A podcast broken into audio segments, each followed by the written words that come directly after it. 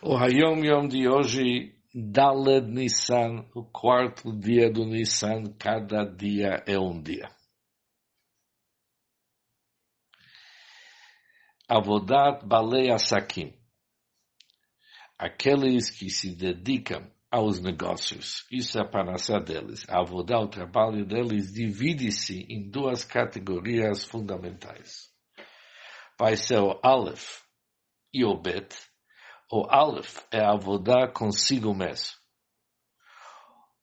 O que que consiste esse trabalho consigo? Que durante o trabalho propriamente dito, nos momentos livres, sentado na loja ou algo semelhante, ele deve estudar uma ou duas Mishnayot, ou um capítulo do Tânia, e deve-se ter memorizadas algumas palavras de Torá, seja do Chubash, Mishnayot, Tilim ou Tanya, dominando-as perfeitamente, de forma que lhe seja possível repassá-las quando caminham pela rua, pelo mercado, etc.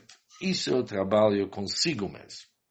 Depois tem o Bet, abordar como o próximo, enquanto conversa sobre temas relacionados à atividade profissional, que faz a conversa girar a fim de relatar alguma história com conteúdo encontrar, encontrar um jeito ou oportunidade de incentivar o parceiro a participar de aulas de Torá ou algo semelhante.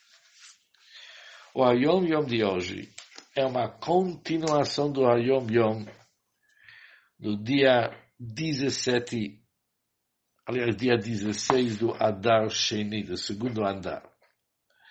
Ali é uma carta do Friedrich Rebbe, que ele escreve sobre Moach Shalit al-Halev, sobre a capacidade do cérebro dominar o coração.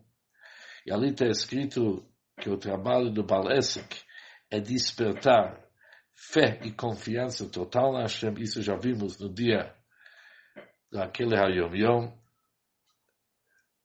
17 do Adar Sheni, ele termina sobre a grandeza da fé que Deus vai lhe dar sua panassá, e depois ele continua aquela mesma carta como a Yom Yom de hoje, que o trabalho do Balei Sakim se divide em duas partes. Pessoas que se dedicam aos negócios, eles têm um trabalho consigo, e um trabalho relacionado com outra pessoa com quem eles estão fazendo os negócios. Nossa Yom Yom termina com as palavras Leorer imsoilá siba encontrar o um motivo para despertar a pessoa para participar da aula da Torá, algo semelhante, mas é interessante que a carta do de Rebbe também é para despertar a pessoa para participar de um Fabrenha Hassídico.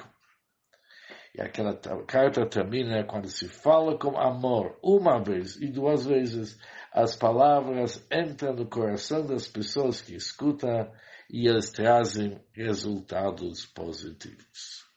Bom dia para todos e muito sucesso.